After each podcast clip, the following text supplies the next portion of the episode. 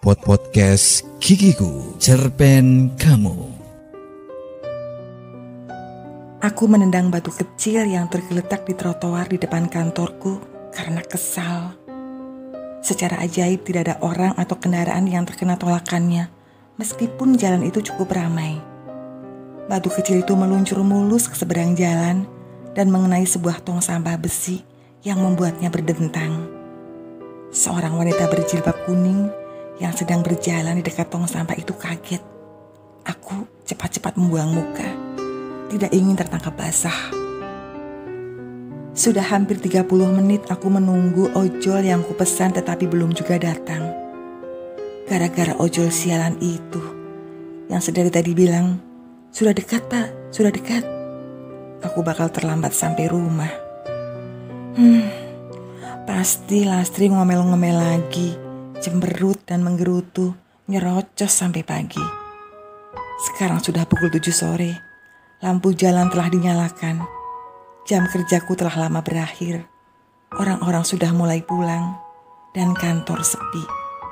Aku lembur hari ini. Tetapi Lasri tidak akan pernah mengerti.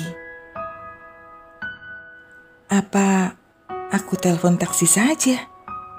Taksi mungkin akan lebih cepat datang ketimbang ojol tukang ngaret. Membayar lebih mahal akan lebih baik daripada mendengar orang yang menggerutu sepanjang malam.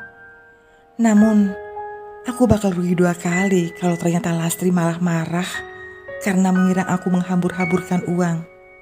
Biarlah, aku tunggu saja ojol sialan itu. Sejak melahirkan tiga tahun lalu, Lastri menjadi mirip kucing garong. Cepat sekali naik darah. Kalau aku terlambat pulang, dia marah. Handuk lupa aku jemur, dia marah. Bahkan kalau aku bermalas-malasan di hari Minggu, dia seperti akan membakar rumah. Padahal kapan lagi aku bisa istirahat jika bukan hari Minggu?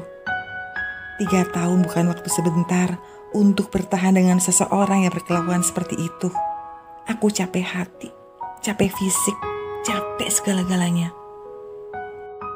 Saat melirik ke kiri, aku melihat sebuah keriki lagi. Karena kesalku makin menggumpal, ku tendang lagi batu kecil itu.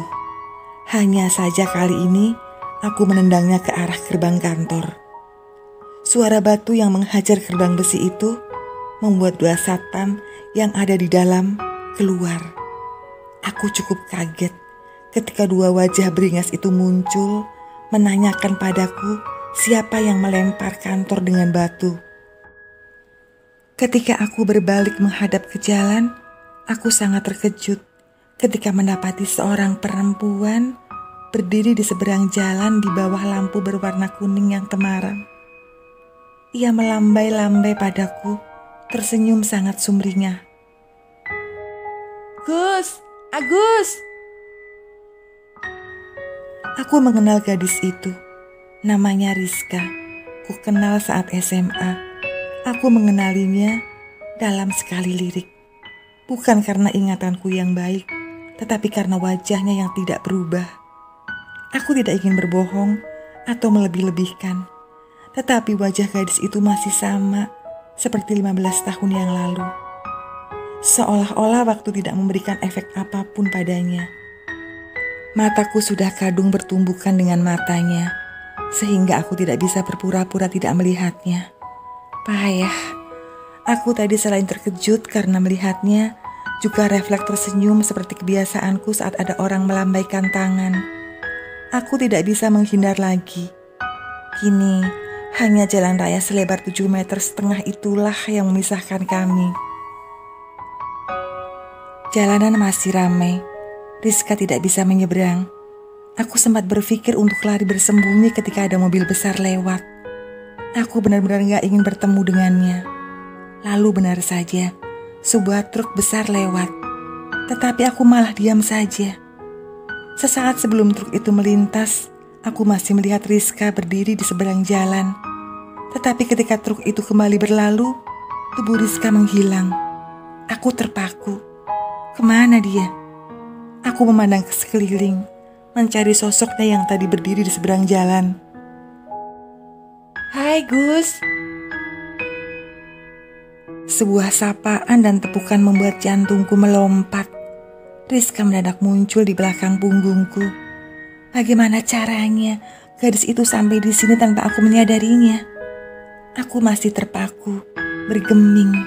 Debar jantungku seolah bisa mengalahkan ramenya lalu lintas di sore ini. Kayak lihat hantu? Ludahku tiba-tiba terasa seperti banjir yang menggenang di dalam mulutku. Dan aku refleks menelannya.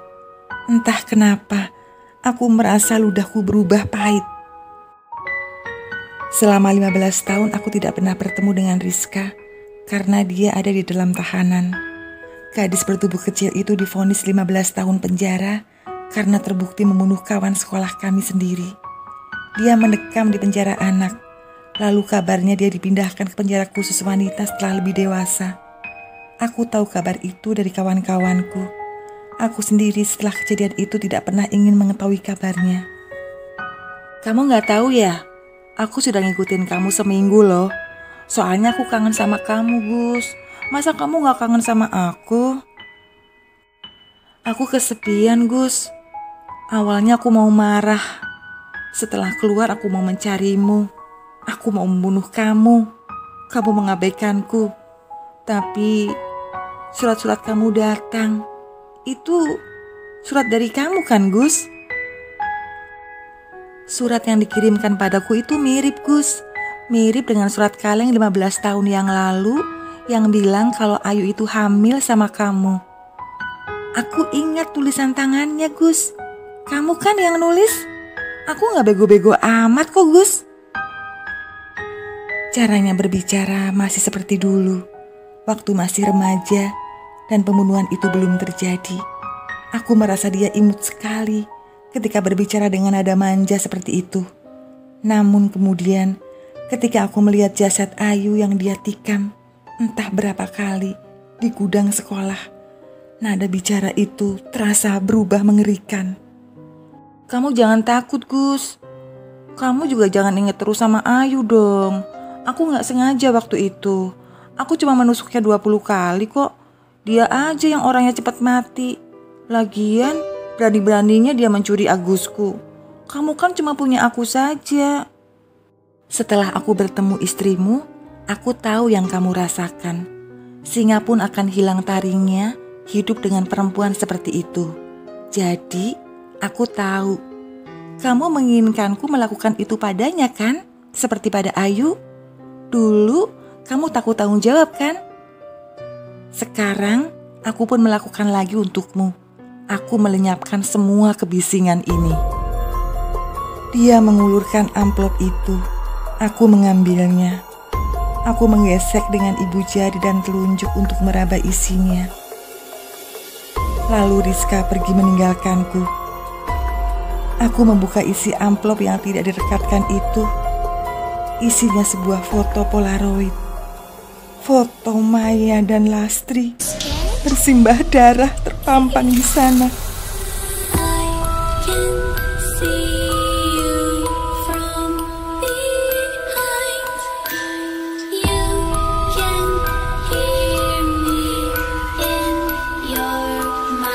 Berbagai cerita ada di sini. Podcast cerpen kamu.